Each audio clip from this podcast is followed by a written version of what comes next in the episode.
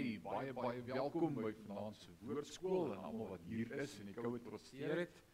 Ook almal wat daar by die huis saam met ons kyk, mag vanaand ook vir jou tot seën en stigting wees. Kom ons sit net so dan bid ons saam voor ons begin. Ewige God en Hemelse Vader, wat 'n groot voorreg vir ons vanaand. Dat ons hierdie tyd kan uitkoop om vanaand deur u woord verkoop en gestig te word. U woord is vir ons 'n lamp vir ons voet en 'n lig op ons pad. Dankie dat ons vanaand ook uit hierdie teks uit vanaand u hart kan sien en iets kan leer van die evangelie, ook in ons eie lewe hoe ons kan optree en wat ons moet doen. Ons eer U daarvoor. Word verheerlik. Seën elkeen van ons vanaand. Elke luisteraar by die huis is my gebed in Jesus naam en sê ons sê amen en amen. Nou, ons is besig met die boek uh Tessalonisense. Dit is 'n lekker moeilike naam Tessalonisense, afgelei van die stad Tessalonika waaraan Paulus hierdie brief skryf. Nou hierdie is die eerste brief wat Paulus geskryf het, die heel eerste brief, mees waarskynlik ook die oudste boek in die Nuwe Testament wat vir ons opgeteken is. Uh so 1 Tessalonisense vanaand kyk ons na hoofstuk 2. So Paulus was aanvanklik op sy tweede sendingreis hier in Tessalonika gewees vir 3 weke, net vir 3 weke. En daardie 3 weke in hierdie prominente voorspoedige maar totaal afvallige stad. Afgode diens was aan die orde van die dag gewees. Pagan uh, religion. So hierdie was 'n hawe stad met strande gewees. Almal wou net vakansie hou en surf die hele tyd. So hier was 'n klomp surfers in hierdie stad gewees. Uh en na 3 weke word hy weggejaag uit Tessalonika uit. Hulle jaag hom weg uit die stad uit. En nou skryf hy aan hierdie gemeente wat hy in daardie 3 weke gevestig het terwyl hy daar was. En hy bemoedig hulle en hy wens hulle geluk en hy gee vir hulle raad en idees So die boek is waarskynlik baie mooi uiteengelê en ons gaan vanaand ook die raamwerk sien vir hierdie boek. Ek gaan vanaand jou die raamwerk deel en dis deel van hoe Paulus gewerk het. Paulus se boeke het almal 'n raamwerk. 'n Inleiding en dan kommunikeer hy hoofpunte en hy deel met elke punt hoofstuk vir hoofstuk totdat hy by die einde kom. En dis hoe Paulus se briewe almal gelyk het. Hy was 'n gestruktureerde persoon gewees. Hy het geweet dis die goed waaroor ek wil praat. So in vers 3 van hoofstuk 1 het ons reeds die uitleg gesien laasweek en voor laasweek toe ons daarmee gedeel het. Jy het net nie geweet dit is hoe die boek gaan speel nie. So kom ek lees vir jou hoofstuk 1 vers 3. Hy sê ons onthou voortdurend hoe julle geloof dade word en hoe hard julle liefde julle laat werk en hoe julle aanhou hoop op ons Here Jesus Christus. En ons het gepraat oor hierdie is die drie goed wat Paulus nogal baie oor gepraat het: geloof, hoop, liefde. So ons het laasweek daaroor gesels hierdie drie eienskappe en ons het gesê in elke kind van God se lewe en in elke gesonde gemeente moet hierdie drie goed teenwoordig wees: geloof, hoop en liefde. So Paulus skryf ons in 1 Korintiërs 13 ook dan sê hy en nou die belangrikste geloof, hoop, liefde, maar dit wat sal bly tot in ewigheid is die liefde. Alraai. So kom ons kyk na die raamwerk van hierdie boek om ek help jou vanaand om die raamwerk van hierdie boek te verstaan. So as ons kyk na hierdie boek sien ons ook hierdie drie dele, hoofstuk 1, 2 en onthou Paulus die verlede en ons gaan vanaand verder daaroor gesels wat deel met hulle geloof, die grondlegging, die fondasie waarop hulle bou. So hoofstuk 1, 2 en 3 handel oor geloof. Hoofstuk 4 se eerste deel handel oor liefde, oor hoe moet liefde lyk en wat is nie liefde nie en wat is broederlike liefde en wat is verkeerde liefde en dan in die tweede deel van hoofstuk 4 en in hoofstuk 5 deel Paulus met hulle toekoms. Ons gaan lekker praat oor die wegraping as ons nog hier is teen daai tyd. En uh en dis ons hoop wat ons het as kerk. So hy praat oor hierdie eerste gedeelte geloof en dan oor die liefde en dan oor die hoop, die toekoms saam met Christus. Het jy dit so? So hoofstuk 1, 2 en 3 praat hy oor die geloof, die grondlegging, die fondasie. Jesus sê self te vergeefs bou die bouers as die hoeksteen nie gelees nie. Ons hoeksteen is geloof. Efesiërs 2 word gered deur die geloof en hierdie geloof was nie uit jouself nie maar 'n geskenk van God. Geloof is die grondslag. Dan hoofstuk 4 se eerste deel oor die liefde en dan die tweede deel en hoofstuk 5 gaan oor die hoop. Ja, het jy dit so? Kan ek vra vra? Alraight. Hoekom is dit belangrik dat jy weet hoe hierdie 5 hoofstukkies uitgelê is. Want as iemand eendag met jou praat en sê, "Weet jy wat, nou ek lees daarin 1 Tessalonisense," dan sê jy, "Wow, wat 'n hoofstuk." Dan sê hy hoofstuk 2 of hoofstuk 3, dan sê jy, "Ah, dit gaan ons oor die geloof." Dan klink jy baie slim. Alraai. So dis om te help om te verstaan hoe ons hierdie boek in deel. So dis die uitleg van die boek en dan die laaste gedeelte van die boek en dis baie kosbaar wat ons gaan sien is 'n kort snippets goeie opvattinge en herinneringe van wysheid oor wat om te doen en nie te doen nie. Dit gaan oor hulle wandel in hierdie lewe. Party goed is so kort soos 4 of 5 woorde. Sommige dinge wat jy moet onthou en dit gaan vir ons kosbaar wees as ons daarby gaan kom en daaroor gesels. So as ons vanaand sê ons is in hoofstuk 2, waaroor praat ons? Geloof. Great. So hy se herinneringe, hy dink terug aan toe hy by hulle was die grondlegging van die geloof en dis waarmee hy deel ook in vanaand se teks. So kom ons lees vanaand 2 ag 1 Tessalonisense 2 vers 1. Hy sê julle weet self broers en susters dat ons besoek aan julle nie te vergeefs was nie. Wanneer was hierdie besoek waarna hy verwys in sy brief? Hoe lank gelede? 'n Jaar. So 'n jaar nadat hy vir daai 3 weke daar was, skryf hy hierdie brief aan hulle. En hy sê vir hulle: "Julle weet self broers en susters dat ons besoek aan julle 'n jaar terug nie te vergeefs was nie. Ondanks die mishandeling en beledigings wat ons, soos julle weet, vroeër in Filippi moes verduur." Ja, onthou mooi, dit is Paulus se tweede sendingreis uh op hierdie tweede sendingreis trek hy op in Griekeland en hy was eers in Filippi gewees en daar het hy moeilike tye gehad. Hulle het hom uit die stad uitgejaag en toe kom hy na Tessalonika wat ook moeilik was want na 3 weke het hulle hom uit Tessalonika ook uitgejaag. Baie interessant. Ons dink dit was hierdie groot bediening gewees. Nee, hulle het hom weggejaag. Hy sê ondanks dit wat ons vroeër in Filippi verduur het, het ons vertroue op ons God ons moed gegee om te midde van sterk teenkanting sy goeie nuus aan julle te verkondig.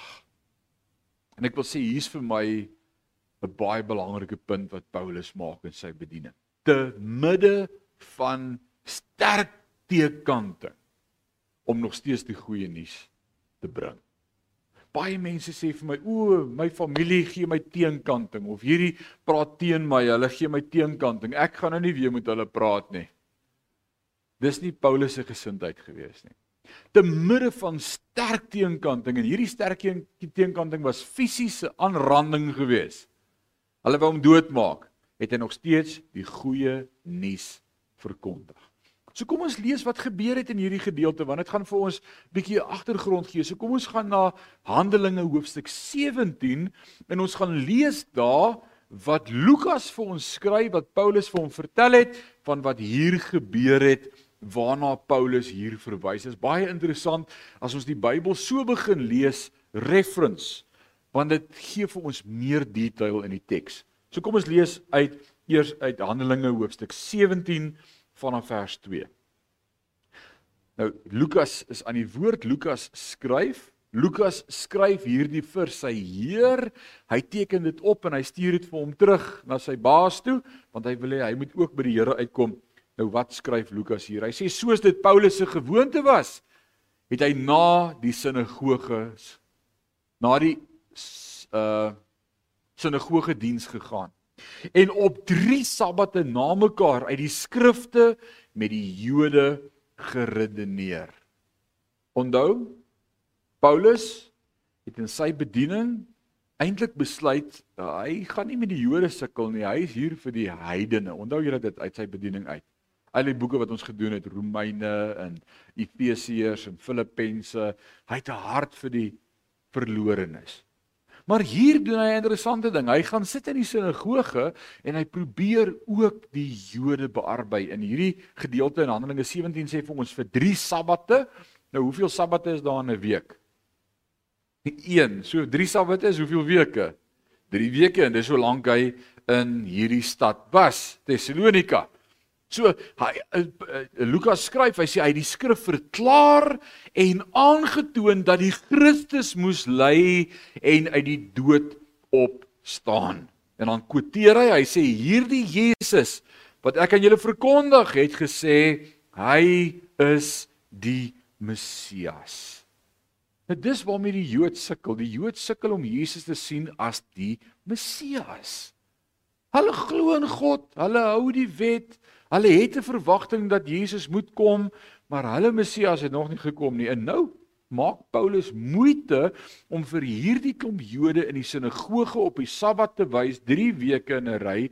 Dis nou terwyl hy die ander 6 dae lank kerk hou en gemeente plant en ouderlinge aanstel en hulle leer.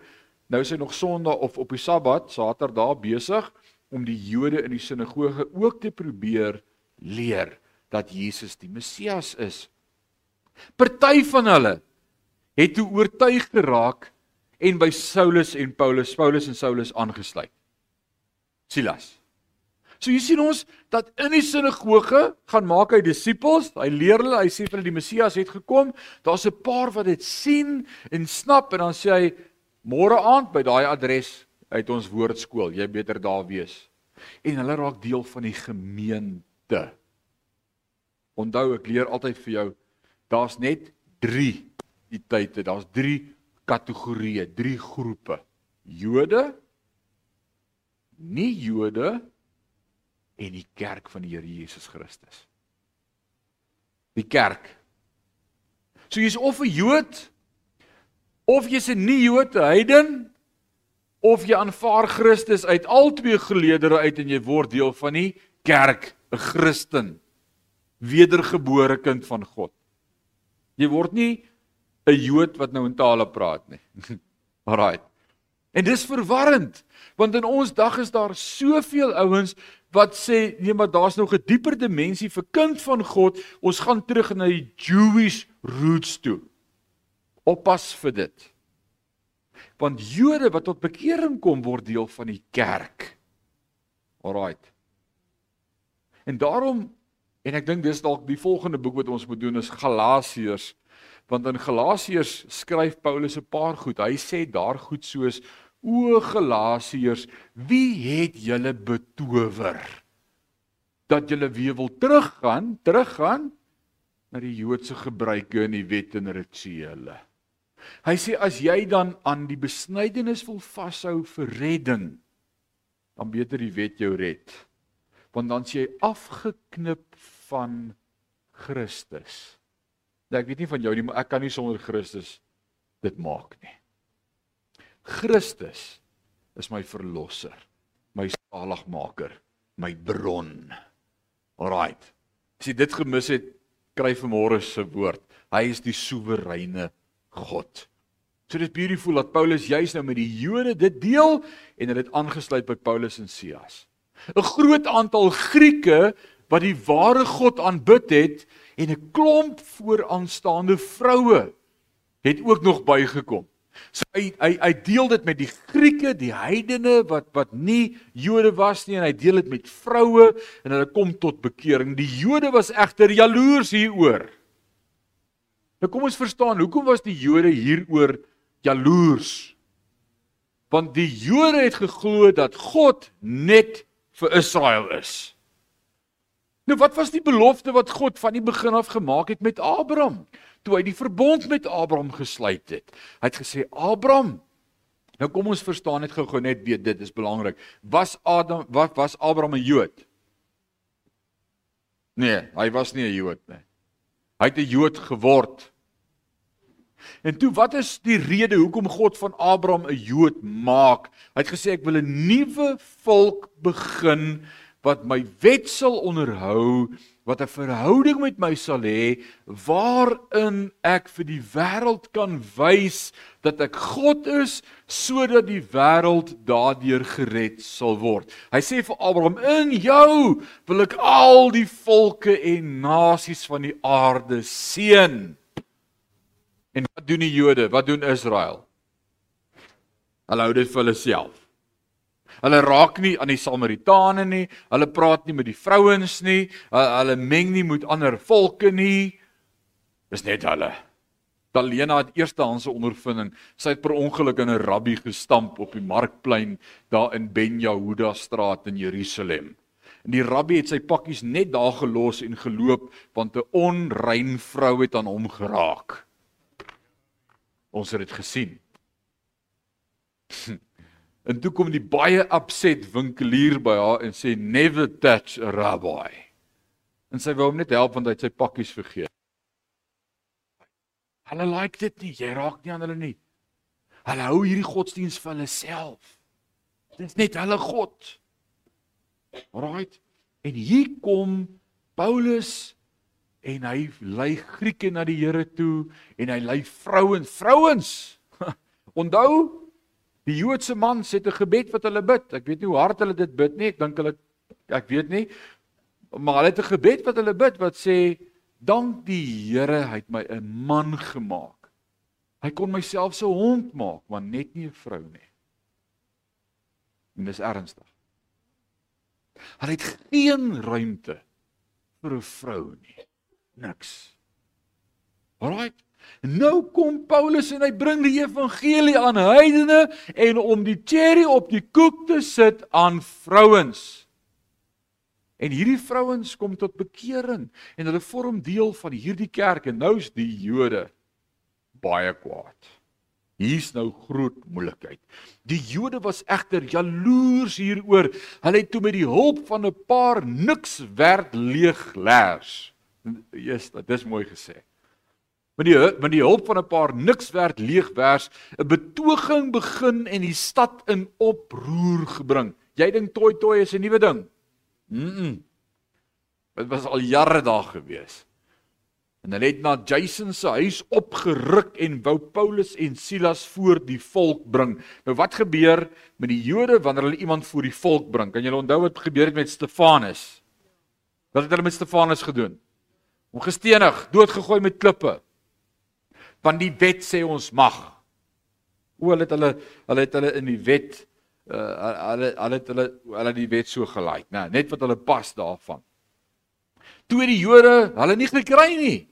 Toe sleep hulle vir arme Jason en 'n paar ander gelowiges na die stadsowerhede en skreeu: "Dit is die mense wat die hele wêreld in beroering bring."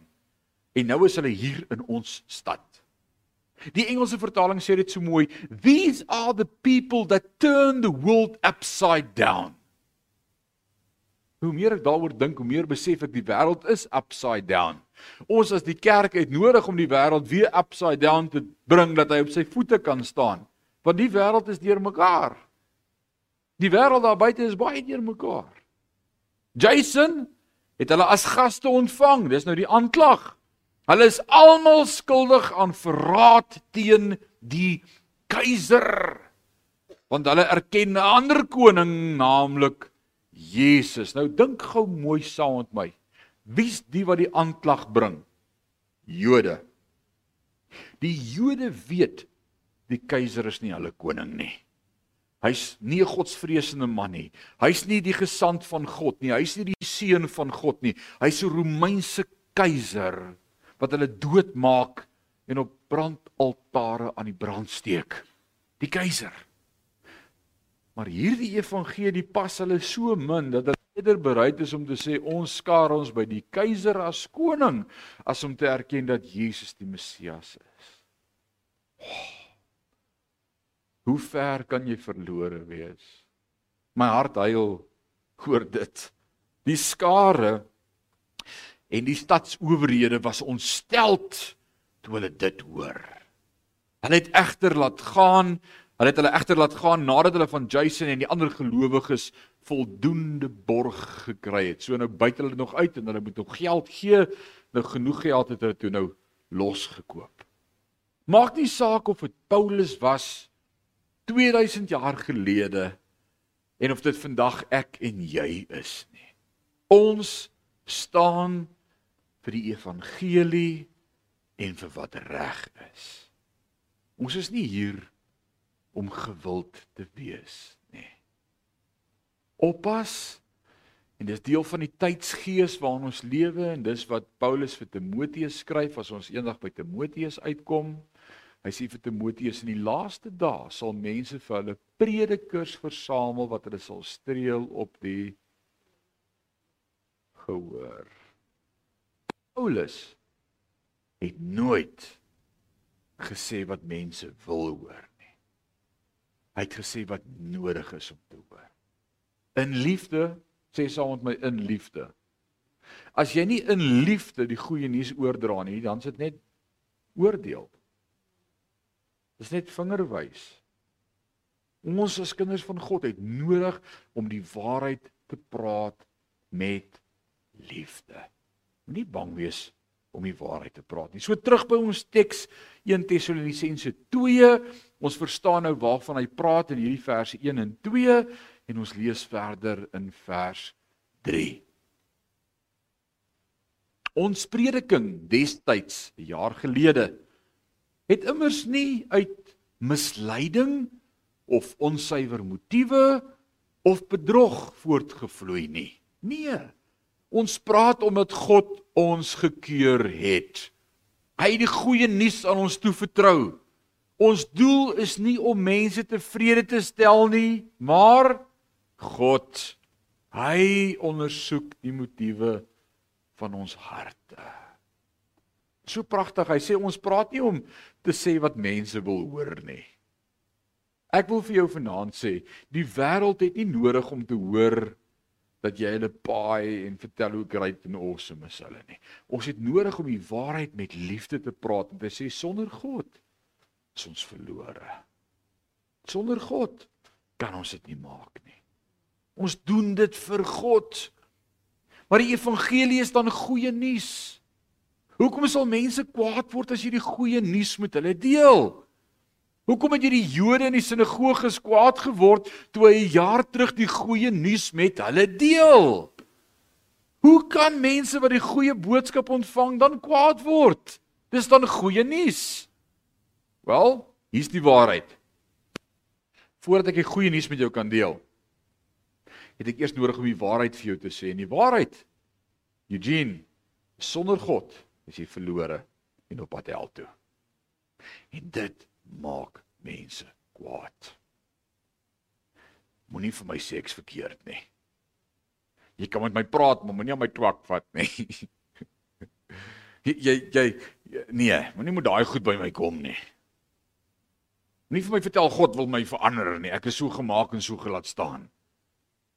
Paulus doen dit in Romeine so beautiful en gaan kyk gerus by Romeine Woordskool op SoundCloud. In Romeine deel hy met hulle 3 hoofstukke om vir almal te verduidelik hulle is verlore sonder God. En dan nadat hy die grondslag gelê het vir almal, hy praat met Jode en nie-Jode en gnostisisme en ateïste en almal en hy sê julle is verlore sonder God, dan sê hy maar daar's goeie nuus. Hy het hy het vir ons gesterf aan die kruis en ons is geregverdig en ons is geheilig. En en en dan kom hy met die beloftes. Maar die verstaan vir die wêreld, hulle moet eers weet hulle is verlore. Anders is dit nie goeie nuus nie. En dis die deel wat die Jode gehad het. Hulle het gedink hulle het die goeie nuus, hulle het dit nie gehad nie. Alraight. So, die woord is jy's dood deur die misdade van jou sondes.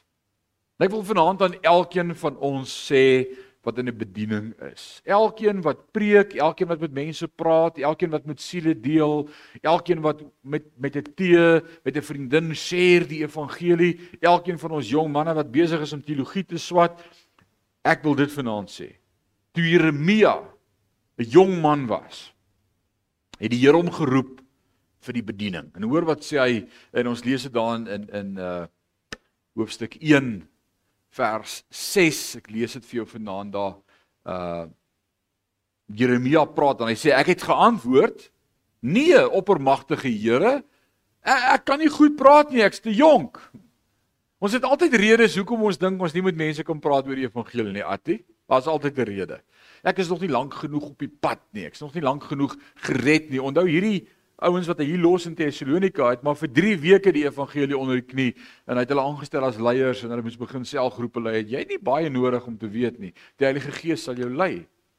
Hulle het nie eers die Bybel gehad soos wat ons hom het nie. Hulle het die Ou Testament gehad. En daaruit het hulle Christus in alles begin raak sien. Nou sê Jeremia, ek kan nie ek's te jonk. Maar die Here het geantwoord en gesê, moenie sê jy's te jonk nie gaan na die mense waarheen ek jou stuur en gee my boodskap vir hulle. Jy moet ook nie bang wees vir hulle nie. Ek sal by jou wees en jou beskerm. Iewerster moes Paulus hierdie gedeelte syne gemaak het in sy lewe. Die die die die oorspronklike teks sê dit so mooi, don't fear their faces Moenie bang wees vir hulle gesigsuitdrukking en vir hoe hulle lyk nie. Dan word moenie moenie jou steur aan aan aan die gesigte wat mense trek nie. Moenie bang wees vir hoe hulle lyk nie. God stuur jou. En dis presies Paulus se bediening gewees. Paulus was nêrens vir niemand bang nie.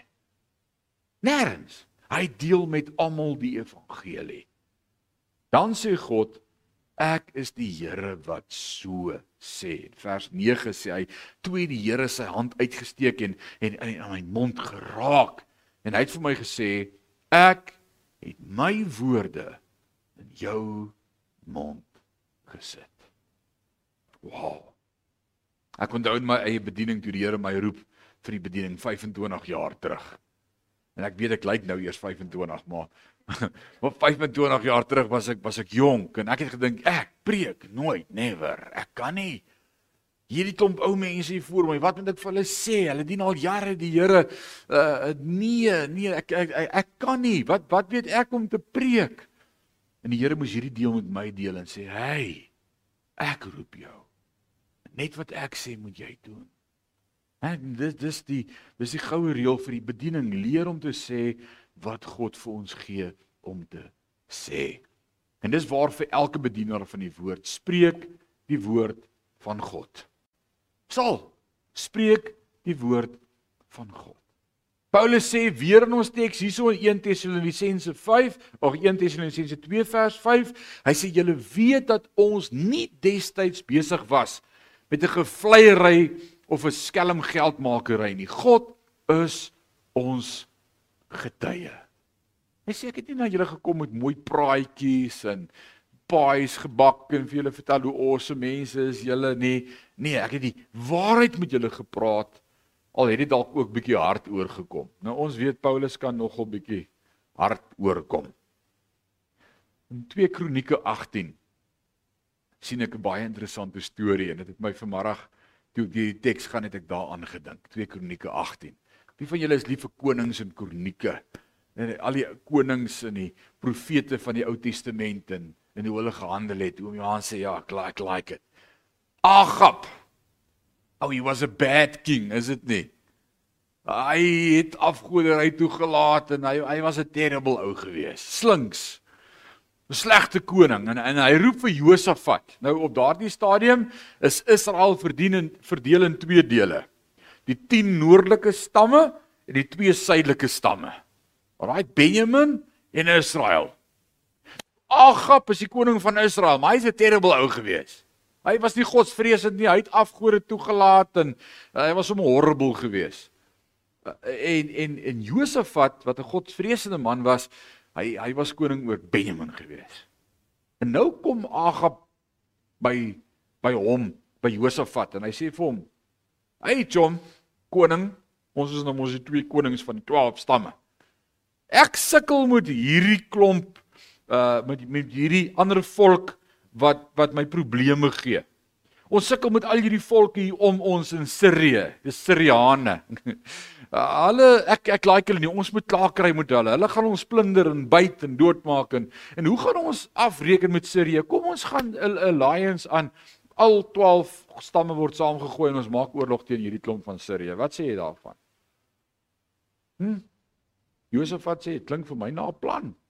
Jy weet jy's 'n gesiene man moet aansien en jy 10 stamme wat jy regeer. Ek het maar net 2. Ons ek dink ons kan dit doen. Dis dis met my reg. En hy sê nou maar great, dan gooi ons ons goed saam. Maar ek het 'n plan. As ons nou so uittrek en ons gaan nou oorlog maak. Kyk, my klere lyk baie mooier as joune. Jy druk jy dra nog vellies en alles. Jy weet ek het nou al kyk hierdie mooi kleed van my. Kom kom ek hang vir jou my kleed om jou. As ons nou hier uitgaan dan voel jy hoe voel dit nou om soos 'n regte koning nou moet 'n mooi kleed aan hier uit te gaan en en en arme Josafat sê jy's regtig het jy 'n spaar een vir my dit sal awesome wees. Nou, ek kan dit nie lekker verstaan nie want Josafat was 'n intelligente man gewees. Ek ek kan nie glo dat hy hom so slinks laat uh, laat indoen het nie. But somehow he got involved. En nie net my kleed nie, weet jy wat ek het 'n ekstra kroon. Kom ons sit sommer vir jou een van my krone ook op, dan lyk ons dieselfde. Maar Josafat lyk toe nou op die einde van die dag net soos Agab en dit is presies Agab se plan gewees want hy was baie slinks. Maar so sit hy vir Agab hierdie of vir Josafat hierdie kleed op en sy kei en en so gaan hy uit. Maar al hierdie ouens van Sirië het besluit, weet jy wat, nê? Ons gaan nie oorlog maak teen hierdie klomp manne nie. As ons die koning kan kry, dan vat ons mos die land. Kom ons gaan almal net vir die koning van Israel. Kom ons reken met hom af. En hier kom arme ou Josafat wat nie die koning van Israel is nie, maar net soos hy lyk. En hier kom hierdie kom hierdie klomp Assiriërs en hulle wil afreken met hom. Dis die vinnigste wat hy nog sy rok uitgetrek het en sy kroon afgehaal het. Om te sê dis die ekie, dis die ekie, hands op ek gee oor, dis regtig nie ek nie. Die einde van hierdie verhaal is dat Josafat in 'n geval sy lewe verloor het. Wat so hartseer is. En en, en die Here herinner my aan hierdie teks vandag en ek wil die volgende vir jou sê. As jy compromise. Jo, hier hier's 'n hier's 'n preek vir 'n aand op sy eie eintlik. As jy compromise, gaan dit dalk jou lewe kos. Moenie kompromis met die evangelie nie. Paulus kan nooit nooit nooit beskuldig word dat hy ter wille van guns of ter wille van aansien selfs ter wille van sy lewe die evangelie gekompromis het nie. Nee. Al beland hy en Silas in 'n tronk praat hy die waarheid. Al jaag hulle met stokke en swepe en sambokke uit 'n stad uit. Praat hy die waarheid. In liefde bring hy die waarheid. Alraight. So oppas om iemand anders se mantel te dra. Oppas om iemand anders se mantel te dra en nie te staan vir wat God jou geroep het om te wees nie. Staan in jou eie skoene en sê wat die Here jou gestuur het om te sê. Te veel predikers probeer soos ander ouens lyk en probeer soos ander ouens maak en probeer goed van ander ouens sê. God het jou geroep. Hy klaar so een. Daar's klaar Billy Graham gewees en daar was klaar Jimmy Swaggart en daar was klaar God wil hê jy moet sê dit wat hy vir jou gee om te sê. Moet nooit in iemand anders se skade wees staan nie. Jy staan in God se lig. Dan hoef jy nie iemand se skadu weer te staan nie. Kom ons lees verder van vers 5 af. Julle weet dat ons nie destyds besig was met 'n gevleiery of 'n skelmgeldmakery nie. God is ons getuie. Ons het ook nie by mense eer gesoek nie. Nie by julle nie en ook nie by ander mense nie. Al kon ons as apostels van Christus allerhande eise aan julle gestel het, was ons soos babietjies teenoor julle. Of of soos 'n ma wat haar eie kind aan haar laat drink. So het ons oor julle gevoel. Ons was heeltemal bereid om nie net God se goeie nuus met julle te deel nie, maar ook ons eie lewe want ons het julle liefgekry. Broers en susters, julle onthou mos nog hoe hard ons gewerk het en gesoeg het Terwyl ons dag en nag gewerk het om nie vir enige een van julle 'n las te wees nie, het ons God se goeie nuus aan julle verkondig. Julle en God is getuie van hoe toegewyd, opreg en onberispelik ons in ons optrede was teenoor julle wat glo. Julle weet ook hoe ons soos 'n pa met sy eie kind maak, julle elkeen aangespoor en aangemoedig het om tot eer van God te lewe.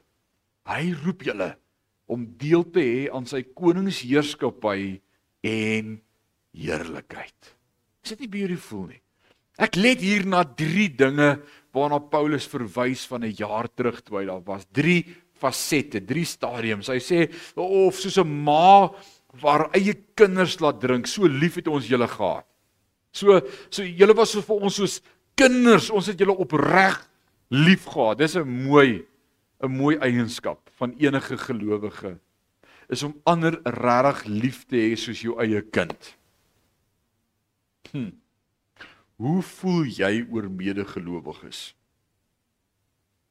OK, ek gaan nou net hier kyk en dan gaan ek aangaan. Dis net 'n vraag. Hoe voel jy oor medegelowiges? Paulus sê ons het oor Here gevoel soos ons eie kinders. Wow. Ek dink dit moet in elkeen van ons se hart wees as kind van God. En in die tweede plek sê hy nie net om het, het ons oor julle gevoel soos julle eie soos my eie kinders nie terwyl ons dag en nag gewerk het om om nie vir enige een van julle las te wees nie het ons God se goeie nuus aan julle verkondig. Met ander woorde, ons was werkende broers. Ons het ons het onsself langs julle geposisioneer, saam met julle gewerk, die evangelie met julle gedeel. Wel, hy sê vir die Jode het ek 'n Jood geword en vir die heidene heidene en vir die ou wat werk, 'n ou wat werk. Ons ons was soos broers vir julle. Maar daar's 'n derde faset van die bediening wat baie belangrik is. Soms het jy nodig om hierdie kind of hierdie broer in die oë te kyk en met hom te praat soos 'n pa. En dis ook nodig. Hy sê julle weet ook hoe ons soos 'n pa met sy eie kinders maak, julle elkeen aanspoor en aangemoedig het om tot eer van God te lewe. En hierdie drie eienskappe gaan jy altyd in jou geestelike verhouding met medegelowiges identifiseer. Jy's altyd op enige posisie op enige plek in enige tydstip met een van hierdie drie verhoudings besig met 'n medegelowige. Jy's of besig om daai kind, geestelike kind wat nog groei, met soveel liefde te bedien asof hy jou eie kind is wat nog groei. Maar hulle bly nie kinders nie. Daar's 'n stadium wat 'n medegelowige 'n broer word. En wanneer jy moet hom deel uit die evangelie uit en bemoedig en aanspoor soos 'n broer. En dis grait wanneer medegelowiges ook vir jou soos 'n broer is. Maar daar's 'n derde faset. Soms het jy nodig om daardie broer te laat sit en vir hom te sê vandag wil ek met jou praat soos 'n pa. Daar's dinge in jou lewe wat ek wil aanspreek. Wees sensitief vir God se stem in jou lewe. En dis nodig. En ek wil vir jou sê jy moet nooit bang wees om te wissel tussen hierdie drie fasette nie. Jy kan nie net altyd op een dimensie of een verhouding bly nie. En nou wonder jy hoekom verhoudings so wisselvallig is in jou verhoudings met mense. Want vir 'n wyle het jy hierdie jong Christen lief as 'n ma, soos soos 'n soos 'n kind en en jou eie kind en jy jy jy's besorg oor hom en jy check kort kort op op hom en jy WhatsApp hom kort kort is jy okay en en hier's 'n skriffie vir jou, maar dan gaan daai verhouding oor na 'n volgende dimensie toe. En dan hou die aanmoediging en die bemoediging op en jy sien hom as 'n broer en jy begin hom op 'n ander level bedien. En weet jy wat? Mense like dit nie altyd nie. Want hulle het gelike van die melk. Hoe weet ek dit? Paulus sê van weer die tyd moes julle al leraars gewees het, maar julle het wragties weer nodig laat ek julle die begin van die evangelie weer moet verduidelik. Julle smag na melk soos pasgebore babas. Nou hier praat hy nou met hulle soos 'n pa met 'n kind en hy sê vir hulle grow up. Het jy al vir jou kind gesê as hy op daai stadium is, hy's eintlik al 'n tiener en hy moet volwasse wees en hy kry al 'n snor en 'n baard en maar hy gedra nog soos 'n kind. En dan baie keer moet jy met oë kyk of hom sê luister boetie, word nou groot. Hm? En ek wil vir jou sê moenie bang wees in jou geestelike verhouding met mense om ewe skielik op 'n ander dimensie met hulle te begin kommunikeer nie. Jy kan nie altyd net laat almal jou kinders is nie.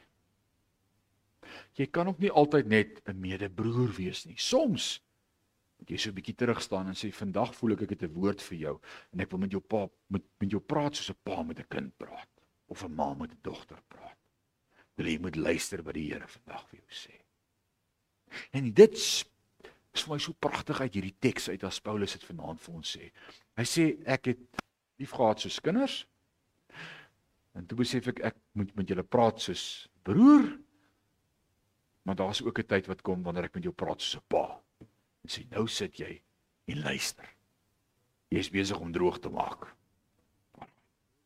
So gaan oor. Vra vir die Here in jou verhouding met jou vriende en met jou medegelowiges en ouens wat jy disipuleer en daardie disippels. Jy dis 'n natuurlike transisie wat gaan plaasvind. Moet nou nie vanaand by die huis kom vir jou man sê, luister, sit jy nou 'n bietjie daar, ek wil met jou praat soos 'n pa met met sy kind praat. Jy gaan moeilikheid kry. Ek dink dis dis nie wat ek vanaand sê nie. Alraight, maar in jou verhouding en jou geestelike wandel teenoor medegelowiges is daar hierdie 3 dimensies. En ek dink dis beautiful. Hierdie drie eienskappe. Die volgende week gaan ons verder praat oor Paulus wat hulle vir aanmoedig en aanspoor om vas te staan in die geloof. Is beautiful. Gaan volgende week verder daaroor gesels want as ons nou daarmee begin gaan ons nie klaar kry nie. Alraai. Ek hoop jy vat vanaand iets saam met jou huis. Jy staan in jou eie skoene, deel jy die evangelie wat God jou voorgeroep het om te deel. Moenie iemand anders probeer wees nie. Moenie dink o, ek kan nie praat nie of ek is te jonk of ek is te oud of wie sal na my luister? Jy sê wat God vir jou gee om te sê. En dan is daar drie maniere van kommunikeer. Of soos 'n kind, of soos 'n medegelowige, medebroer, medesuster, of soms soos 'n pa of 'n ma. Mag julle dit saam met julle vat. Mag dit deel word van jou wandel met Christus. Kom ons sit net so. Dan bid ons saam. Vader, ons sê vir U so baie dankie vir U woord. Dit is so kosbaar om U woord sommer vers vir vers op te breek en daaruit te leer, vanaand gestig te word, vanaand opnuut U stem te hoor wat met ons praat.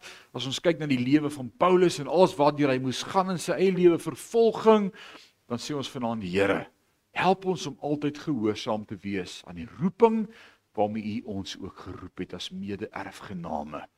Help ons om gehoorsaam te wees. En help ons om te onderskei wanneer ons op watter manier met medekinders van God moet kommunikeer om die waarheid en die hart van die evangelie te kan oordra.